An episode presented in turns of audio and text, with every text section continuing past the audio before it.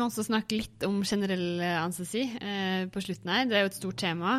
Eh, vi har hørt om både sovemidler, analgetika og inhalasjonsanestetika. Eh, brukes det her samtidig, eller kan man bare bruke et eh, medikament eller et middel for å oppnå generell anestesi? Du kan bruke ett middel. Eh, det absolutt. Um, det var det, Den tradisjonelle anestesien de første 100 årene var egentlig bare ett middel, og det var gass. Og det var ofte eter. Um, og vi bruker fremdeles i dag kan vi gi anestesi med bare gass. Vi bruker da eterslektninger, sånn som sevofluran eller desfluran. Uh, vi kan også bruke et intravenøst middel som heter ketamin, som er monomiddel. Og så er det faktisk sånn at uh, generell anestesi er på en måte kontrollert intox. Sånn at hvis du bare gir nok av et sovemiddel, så kan faktisk også det være i anestesi. Eh, hvis vi f.eks. gir Propofol, som vi vanligvis bruker for å få folk til å sove når vi starter en anestesi Hvis vi gir fem ganger mer enn av det enn vi vanligvis gjør, så er det en, sover du tungt nok til at man kan operere deg med bare det. Men problemet med å bruke ett middel er at alle disse metodene, bortsett kanskje fra ketamin, de, de, gir da altså, Du skal ikke så mye til for å sove, men du må opp i en tre til fem ganger så høy dose før du liksom får god nok smertelindring og refleksdemping. Eh, sånn at man må gi ganske mye, og det betyr at det tar også lang tid å vekke opp etterpå. Og man får ganske kraftig påvirkning av hjertet hjerte, blodtrykk og pustefunksjoner. Så Derfor blander vi ofte inn intravenøse midler, eh, eller at vi gir bare intravenøse midler, rett og slett. Men da må vi tenke sånn at eh, bevisstløshet er to ting. Det ene er at du sover, og det andre er at du har demper notiseptive input, altså hvis du hadde vært våken, da smerte. Sånn at da blir det en blanding gjerne av et sovemiddel og et opioid. Eller vi kan bruke ketamin, som for så vidt i seg selv er smertelindrende og et sovemiddel. Mm. Eh, hvis man bare skal ha, tenke rene, rene smertestillende, da, hvilke dere bruker mest av der? Um, nei, da vanligvis en vanlig intravenøs anestesi vil være at vi starter med Propofol for å få pasienten til å sove. Uh, og så når pasienten sover, så skal vi kanskje putte ned en lagringsmaske eller intubere, som er ganske nosiseptivt stimulerende. Så da gir vi et opioid i tillegg, og da bruker vi vanligvis fentanyl som virker ganske fort og henger i en stund. Eller vi kan også bruke remifentanyl, som er veldig sånn styrbart. Det må gis som infusjon og, og kan styres mer presist da det går veldig fort ut av kroppen etterpå. Og Så kan vi da fortsette anestesien når kirurgen kommer, med at det går en jevn dose av et sovemiddel, propofol, i bunnen hele tiden, som sikrer søvn. Og så gir vi så mye opioid, avhengig av hvor mye kirurgi som foregår. Um, ytterpunktene er jo noen ganger kan det være f.eks. at det bare er et lite barn som skal ligge stille under en røntgenundersøkelse. Da behøver man ikke egentlig noe annet enn propofol. Uh, eller det kan være at det er veldig sånn invasiv ortopedi, bukkirurgi, hvor man trenger mye uh, fentanyl eller remifentanyl. da. Um, så vil man særlig ved litt lengre inngrep gjerne supplere med uh, inhalasjonsmidler. Fordi når man gir Propofol veldig langvarig, så blir det en viss opphopning av det, og litt tregere oppvåkning. Eh, slik at det kan være en fordel da å bruke rett og slett å sove på gass. Bruke gass i litt lave doser for å sikre søvn. Ja, ikke sant. Hvilke gasser er det som brukes? De vi hovedsak bruker i dag, er desfluran og isofluran, som er nokså Det er en del forskjeller, men i praksis så er dette potente eterslektninger. Sånn at man gir et par prosent av disse eh, i pusteluften til pasienten, og da er det nok til å sikre anestesi. Det er noen sånn litt forskjeller. Sevfluran lukter rimelig greit, så det kan man faktisk bruke til å starte sin med også. At man f.eks. et barn kan sitte på fanget til mor eller far og få en maske med sevfluran og lukte på den et minutt eller to. Noe mer trengs ikke. Så sover de. Og det kan også brukes hos voksne som har nåleskrekk. Du kan heller få en maske her. Det kan ikke desfluran. Desfluran er veldig irriterende, så den egner seg ikke til sånn. Men den, er, den, har den fordelen at den løses ganske lite fett, så den er veldig gunstig ved kirurgi, sånn overvektkirurgi, bariatrisk kirurgi og i det hele tatt anestesi til overvektig, fordi man da kan gi dette gjennom mange timer og allikevel får de veldig fort våkne når man da stopper å gi denne gassen. Så, så den er veldig grei å styre på den måten. Du nevnte at ketamin kan gis alene, og jeg husker at det brukes særlig ved store blødninger eller ved hypovolemi fordi det ikke gir blodtrykksfall. Kan du mm. fortelle litt mer om det? Ja, nei, altså Egentlig er jo ketamin et ideelt stoff fordi alle de andre anestesimidlene våre det, Bare det å sovne gjør at blodtrykket faller. Når du sovner, så vi, vi, sovner også, så faller blodtrykket vårt fra 120 til 90 eller noe sånt, fordi sympatikustonus blir borte. Og hos en pasient som da er hjerte-karsyk eller har blødd eller er hypovolemisk, så kan det fallet bli så ille at man ikke får retur av blod til hjertet, og at det i hvert fall går i hjertestans. Så det er liksom skummelt med all type anestesi hvor du sovner inn. Og da er ketamin et sånt lite kolumbegg fordi den inneholder en komponent som stimulerer sympatikus samtidig som man sovner. Så man får på en måte en eh, slags effekt, samme effekten vi kan få hvis vi bruker en anestesimiddel samtidig som vi gir adrenalin, om du vil. Mm. Ketamin har liksom innebygget denne sympatikus-stimulerende effekten, som gjør at blodtrykket ikke går ned. Og det gjør jo da at det er, et, det er hovedmiddelet vårt da, når vi får inn skader f.eks. som har blødd mye, eller pasienter med ilus, uh, postpartumblødninger og, og sånt, som, fordi, fordi man da kan innlede trygt uten å få noe særlig blodtrykksfall. Uh, ulempen er at uh, det gir um, hos en, noen en ganske ubehagelig oppvåkning preget av sånne hallusinasjoner som kan være såpass ille at de husker det etterpå og har mareritt knyttet til det og sånn. Eh, det kan dempes noe hvis man samtidig gir et benzodiazepin, eh, og, og, eller går over til andre midler etter hvert, når man liksom har fått stabilisert og fått gitt blod og sånt, at man da skifter over. Eh, men, men er et problem, og, som gjør at dette ikke brukes mer ved vanlig planlagt kirurgi. Men ketamin brukes også veldig mye i katastrofesammenheng og primitive forhold. Hvis man f.eks. blir utkalt til et katastrofested eller en krigssone, eller noe sånt, så, så, så, er dette da, da det, er, det, er, veldig enkelt. Også fordi det tar ikke pusten i samme grad som gasser og andre intravenøse midler gjør. Det, du kan faktisk ha en pasient som puster selv, samtidig som de er så godt bedøvet at du kan skjære i, i maven på dem. Så Det er også et poeng med ketamin da, som sånn feltmiddel. Eh, og, og, i tillegg da ved alle typer hypovolemi. Ja, ikke sant. Ok, Så hvis jeg har forstått det riktig, så har vi hovedsakelig tre valg. Enten inhalasjonsanestetika alene eller ketamin alene. Eller en kombinasjon av intravenøse sovemidler og intravenøse analgetika eller opioider. Ja, jeg vil, jeg vil si du, du kan godt si at du kan godt ha en inhalasjonsanestesi alene sånn fra A til Å. Eh, det, det, det, er særlig på barn vi, vi bruker det, fordi som sagt, hos voksne så vil vi vanligvis ønske å ha en uh, intravenøs tilgang før vi starter anestesien. Og det går også litt på å kunne ha kontroll hvis de plutselig får en arytmi eller blir bradykard eller anafylaksi eller et eller annet. At vi har mulighet for fort å gi medisiner. Sånn at uh, stort sett så vil vi også på barn, der vil vi gjerne legge på en sånn liten kremplaster på forhånd, sånn at vi kan stikke de. For å ha den nålen, det gir en trygghet. Og når vi da har, først har nålen, så, så, er det fristende å også bruke den nålen til å starte anestesien med, med f.eks. propofol. Eh, fordi det virker veldig fort og greit, da. Mm. Så det er sjelden vi bruker ren gassanestesi fra A til Å.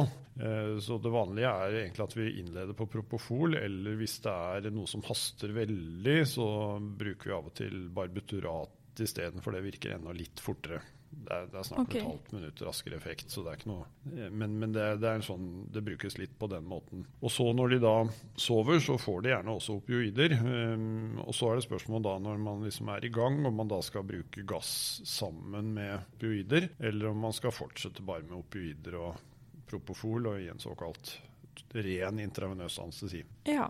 Så det vanlige er hva skal vi si, enten en ren intravenøs anestesi eller en intravenøs anestesi blandet med gass. Ja. Eh, og så har du ketamin da, som en sånn sidegruppe på de som er så hypovoleme at de ikke egentlig tåler noe annet i første omgang. Mm. Er det noen fordeler med å kun bruke intravenøst?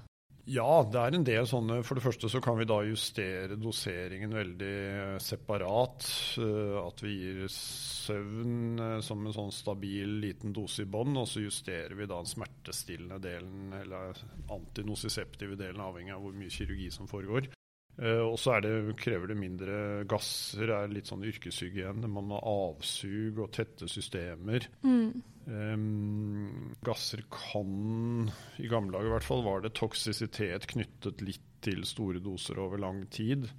Og um, som sagt, hvis man bare skal gi gass, så må man gi ganske mye. Sånn at da går det litt mer utover blodtrykk og litt tregere oppvåkning. Mens, uh, mens, hvis man bruker kombinasjonen, så kan man liksom få til det beste av alt. At man kan få til da um, hurtig effekt, styrbarhet og en rask oppvåkning. Og så gir gasser også noe med kvalme etter inngrepet. da Litt mer uro. Um, de som har fått propofol noen gang, jeg har prøvd det jeg vil si at det er veldig behagelig oppvåkning. Man er oppstemt. Uh, litt sånn high.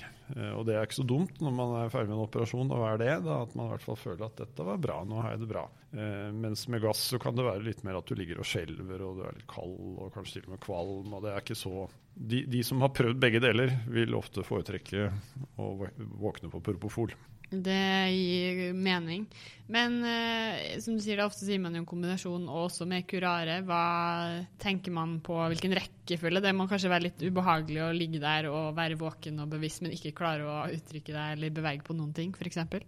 Ja, veldig godt poeng. Eh, og det, det, er jo noe av det vi er redd for i anestesien, og som eh, i hvert fall i gamle dager skapte en del overskrifter. Pasienter som da opplevde at de var kurarisert, og det betyr at all tverrstripet muskulatur er lammet, inkludert eh, armer og fingre og øyelokk og munn og det hele. Mm. Så du, du, du, kan da risikere at du ligger helt dønn våken og hører alt som blir sagt og gjort, men du klarer ikke å fortelle noen om det, og ingen ser det. Nei.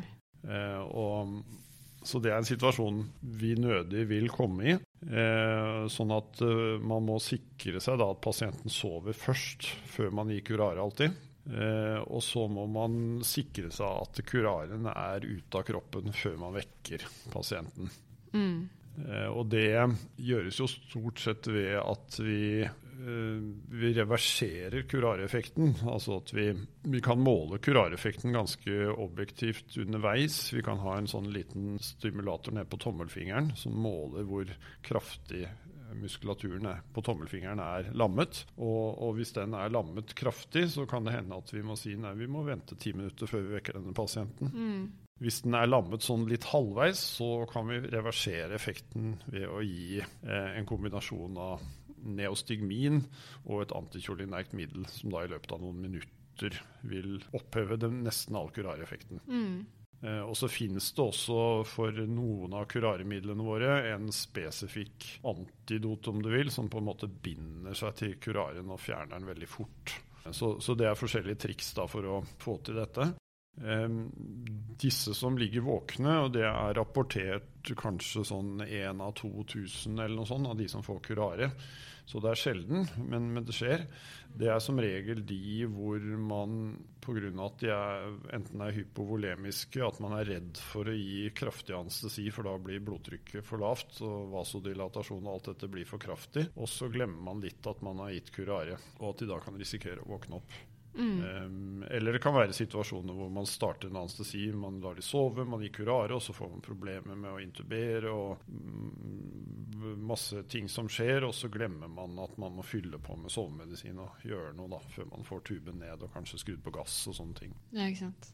Ehm, hvis det skjer, så er det viktig å ta tak i det med pasienten og tro på pasienten, for det første. At, og, rutinen er jo da at da skal de henvises til der hvor anestesien blir gitt, sånn at de som gir anestesien kan snakke med dem, gå gjennom skjema. Det er jo også noen som eh, trenger veldig mye sovemiddel uten at vi eller de er klar over det. Sånn at det kan være sånne slengere som faktisk trenger veldig mye for å være sikre søvn. Eh, så da kan det være Og da, da vil det jo være en hjelp hvis man bruker sånn EEG-monitorering, som vi gjør en del, eh, hvor vi har da et, en, en, enkel frontal EEG-elektrode i pannen, eh, som gir et EEG-signal som da bearbeides via en sånn computeralgoritme til en søvnscore. Eh, som går fra 0 til 100. Er du 100, så er du helt våken, og er du under 20, så, så har du stort sett burst suppression, altså at hjernen ligger i dvale. Ser man da på hvor mye aktivitet det er på en måte på den EEG-en, eller er det bare en sånn omregning? ja,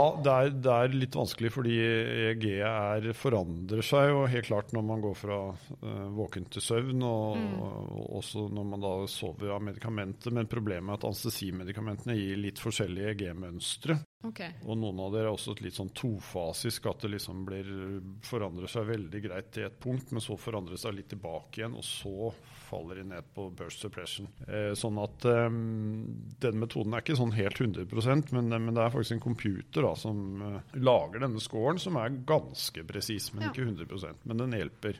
Og den kan hjelpe oss også å styre anestesien og gjøre øh, at vi ikke gir for mye, sånn at vi vekker pasienten greit og ikke blir liksom plutselig stående med en pasient som har fått altfor mye, og hvor det går et kvarter før vi kommer oss videre. Eh, Så, så det brukes en god del, og, og særlig pasienter som vi er usikre på hvor mye trenger. Pasienter som er narkomane, pasienter som er veldig gamle og skrøpelige, pasienter som er fete, som kan være vanskelig, særlig med intravenøse midler, å vite Mm. så er dette et hjelpemiddel. Men det er viktig å forsikre pasienten om at dette er ikke noe farlig. For det er klart, det, vi, vi passer jo på at hjertet slår. Vi, vi har jo EKG, og vi måler blodtrykk og oksygen og alt sånt noe, så, så det er jo ikke noe farlig. Men pasientene vet jo ikke det. Nei, De, de, de opplever at jeg er i ferd med å våkne her, og hva kommer jeg til å dø? Ja. Og så er det noen som også er redd for å oppleve smerte. da, At du sover og ikke klarer, men at du liksom kjenner at Ja. noe som skjer gjennom hofta di. Det, det, mm, og, det, og det er viktig også å diskutere med de som er redd for det. For da, da er det heldigvis sånn at hvis du gjør det, så vil vi se det. Da vil vi se at oi sann, nå stiger blodtrykk og puls her. Eh, pasienten er kurarisert, blodtrykk og puls stiger. Da, da er jo det et tegn på at eh, dette kanskje her er for mye nosesepsjon, vi gir for lite anestesi. Mm.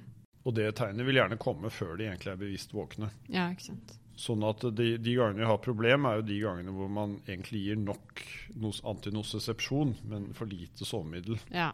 Eh, et klassisk sted hvor det ofte skjedde, var på hjerteanestesi, altså med skrøpelige hjerter som skal opereres, klaffer eller bypass, Mm. hvor man er redd for sovemidlene og bare gir opioider, for opioidene er mer skånsomme på hjertet og sirkulasjonen. Så man ga masse opioider, så blodtrykk og puls lå helt fint, men man risikerte altså at de faktisk var våkne noen ganger. ja, ikke sant. Så man er mer redd for at man har, eh, ikke får beveget musklene pga. påvirkning av kurare, enn at man ligger og har vondt? Ja, altså hvis du, hvis du har, har vondt, så vil som regel den som står der, og det står alltid en sykepleier der, eh, se at nå stiger pulsen og blodtrykket stiger, og, og kanskje til og med pasienten svetter litt eller noe sånt. Og at her er alle tegn på at jeg gir for lite anestesi. Mm. da, da vil man øke dosen, og da vil det som regel eh, skje før pasienten bevisst husker å ha vært våken. Ja. Det er også slik at eh, man må ha opplevd dette gjennom en, minst fem minutter for at man skal huske det etterpå. Okay. Så sånn en liten, om man en lite, liksom et lite minutt, eller noen rører litt på seg, eller en arm beveger seg og sånn, når man da ja, da må vi gi mer. Så går det bra. Men, men det er hvis de ligger, blir liggende lenge, Ja. uh, og ingen ser det, og de er helt lammet. Uh, og, det, og det er jo et annet poeng, at man skal ikke da gi så mye kurare at man lammer dem 100% med mindre det er nødvendig for kirurgien. Nei, sant. Nei, for uh, hvis jeg ikke husker helt feil, eh, du forklarte det litt tidligere også, så har jo dere anestesipersonellet litt sånn tett samarbeid eller samtale med kirurgen underveis. At hvis man liksom skal skjære gjennom noe voldsomme greier, så gir man litt ekstra. Mens hvis man bare skal stå der og titte litt eller ikke gjøre noe sånn voldsomt, så kan man holde litt igjen.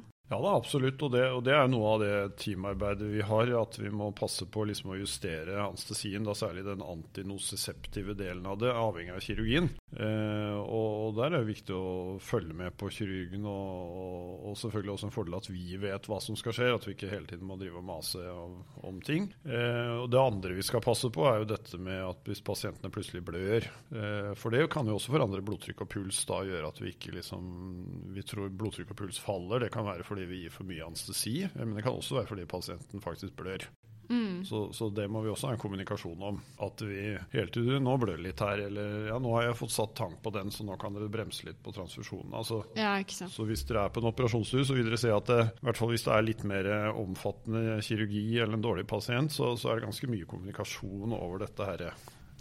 Denne, denne barrieren. Ja. Ja, og det, og det, så, det, så det er veldig viktig. Så det er egentlig de to tingene, eh, prinsippet, den som står der, eh, sykepleieren og legen som kommer og går litt, passe passer på at det er passe mengde anestesi, og at man har eh, væske-blodbalansen på plass. Ja. Og, og selvfølgelig et par andre ting. At pasienten ikke blir kald f.eks. er veldig viktig, for det øker infeksjonsfaren og gir en tregere oppvåkning. Og, ja, det er ganske varmt, eller litt varmere i hvert fall på sånn operasjonsstue. ja, og det er, det er litt med vilje, det er egentlig for pasientens del, da, at de ikke skal bli så kalde. ja, sant. Eh, og det, så det vil dere se også at veldig mange får jo også sånn varmeteppe over seg hvor det blåser varm luft. Ja. Eh, og det hjelper også å være litt varm før man kommer på operasjonsstund. Det er, eh, det er et sånn enkelt triks at pasienter som liksom sitter og venter i en liten tynn pysj ute i gangen og blir kalde i huden De er jo 37 grader i midten, men huden blir veldig kald. I det øyeblikket de sover, så blander dette seg, og så faller temperaturen til 35 grader. Vi- men hvis du kommer da god og varm ned på stua, kanskje til og med litt sånn småsvett for å ha hatt på deg litt sånn tykt med tepper og sånn, så faller den kanskje bare en halv grad. Men er det noen som ikke kan legges? Altså Er det noen kontraindikasjoner mot de her medikamentene, kanskje først og fremst? da? Ja, altså det er jo to ting vi gjør med medikamentene våre. Det ene er jo at du har en direkte effekt av, av så store medikamenter på pustefunksjonen. Eh, Du puster dårligere, eventuelt stopper å puste. Og så har du en effekt på hjertet, at hjertet, du får en litt kardiodepressiv Hjertet pumper litt dårligere. Og så har du en vasodilaterende effekt, at det dilateres. Og hvis du da i utgangspunktet er eh, hypovolemisk, eller du er veldig skrøpelig, um, har et dårlig hjerte, marginalt hjerte, marginal pustefunksjon, så tåler jo disse tingene dårligere. Så da, da er det mye mer viktig at man er, bruker litt mer tid, har mer monitorering. At i stedet for å måle blodtrykket, så har man et kontinuerlig arterietrykk. Eh, At man kanskje har et venetrykk man måler. At man til og med ved enkelte hjerteoperasjoner eller dårlige hjertepasienter har en eh, probe i esofagus for å se kontraktiliteten og fyldningen av hjertet til enhver tid. Eventuelt har monitorering av hjerteminutt, volum, perifer motstand. Og, og titrerer så mye mer forsiktig med medikamentene enn man ellers ville gjort. Og så er det jo spørsmål om hvordan pasienten klarer dette etterpå. Det går jo særlig på marginale lungepasienter. At eh, hvis du er marginal på forhånd og har vært gjennom et stort inngrep og ligget på respirator, som du jo gjør under operasjonen, så, så, så kan det godt hende at du ikke klarer å puste selv etterpå. Blir værende på respirator noen dager, og hva skjer da? Liksom lungebetennelse, ytterligere komplikasjoner, problemer. Sånn at eh, når det gjelder planlagt inngrep, så, så er det jo alltid en vurdering, risikoen ved dette her. Og eh, det er veldig få pasienter som dør på operasjonsstua i, i våre dager, men, men det er hvordan er det etterpå, da? Vil de klare å komme tilbake til funksjon? Eh, Så det, det er en vurdering, og, og også er det en vurdering av hvor alvorlig dette er. Og noen ganger er det jo sånn at vi gjør Det er en samarbeid med kirurgen selvfølgelig på vital indikasjon. At denne pasienten er i ferd med å dø hvis vi ikke prøver noe.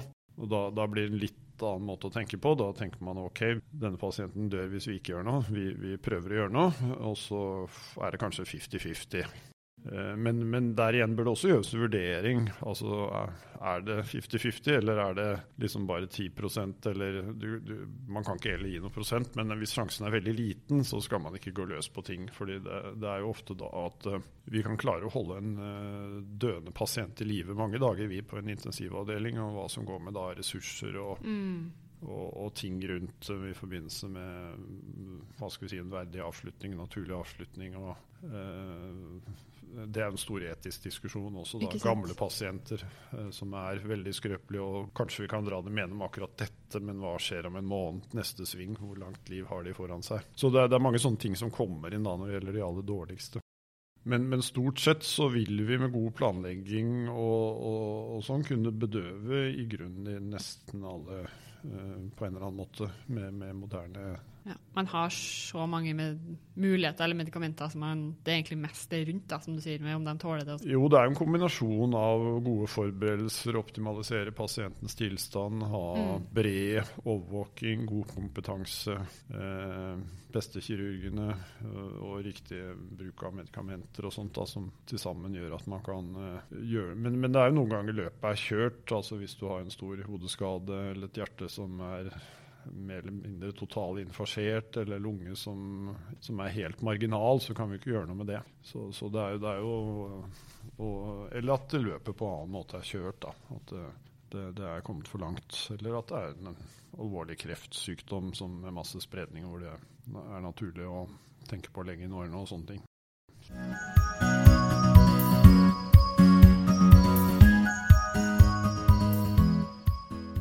Klar for eksamen? Ja, jeg kan jo prøve. Det jeg husker, er at anestesi skal sikre smertefrihet, dempning av autonome reaksjoner og gode kirurgiske arbeidsforhold. Og det finnes ulike måter å gjøre dette på, enten lokal anestesi, regional anestesi eller generell anestesi, eller en kombinasjon av alle de metodene. Lokal anestesi blokkerer smertefibre og reseptorer ute i vevet ved å blokkere natriumkanaler, sånn at aksjonspotensialet langs nervene stoppes opp og nosiseptiv stimulering ikke finner sted. De mest brukte midlene er lidokain og bupivakain, og forskjellen mellom de går mest på hvor lenge de virker og hvor toksiske de er hvis store mengder kommer over i blodbanen og da er det bupivakain som er mest kardiotoksisk. Regional anestesi blokkerer selve nerveledninga av smertestimuli fra skada vev og inn til første synapse i ryggmagens bakhånd, enten ved nervepleksusanestesi, epidural eller spinal anestesi. Forskjellen på en epidural og spinal anestesi er at ved epidural så sprøyter man inn anestesimiddelet på utsida av duramater, mens ved spinal anestesi så setter man inn en mindre mengde i selve ryggmargsekken. Ved epidural settes et kateter for etterfylling av anestesimiddel ved behov, mens ved spinal anestesi gis ei dose. Epidural virker litt saktere enn spinal anestesi fordi det må diffundere gjennom dura. Epidural kan også settes over L2, f.eks. i torakalkolumna hvis man trenger å bedøve her. Risiko ved regional anestesi er epiduralt hematom og skade på nervene. En annen bivirkning kan være postdura-punksjon hodepine ved oppreist stilling. Den forsvinner oftest av seg sjøl, men man kan òg behandle den med en sånn blood patch. Eh, generell anestesi demper sentralnervesystemets respons på smertestimuleringer, og man bruker oftest en kombinasjon av gass og intravenøse opioider, ellers kun intravenøst med opioider og sovemiddel. Man kan òg bruke ketamin alene, som er både et analgetikum og hypnotikum, og som stimulerer sympatikus, sånn at man hindrer blodtrykksfall ved søvn. Det brukes i akuttsituasjoner ved hypovolemi og store blødninger. Bakdelen er ubehagelig oppvåkning med mareritt. Ofte må anestesien i tillegg omfatte perifer blokade av tverrstripa muskulatur med intravenøse kuraremidler, for å sikre gode arbeidsforhold. For å sikre at pasienten sover, bruker man en søvnmåler i form av EEG-elektrode på pasientens panne. Tusen takk for at du ville komme til oss og lære oss om dette temaet, Johan. Og tusen takk for alle dere som hører på. Hvis du har noen spørsmål, send gjerne en mail til farmapodden alfakrøllgmail.com. Ellers finner du oss òg på Facebook og på Instagram. Vi høres igjen. Ha det bra. Ha det.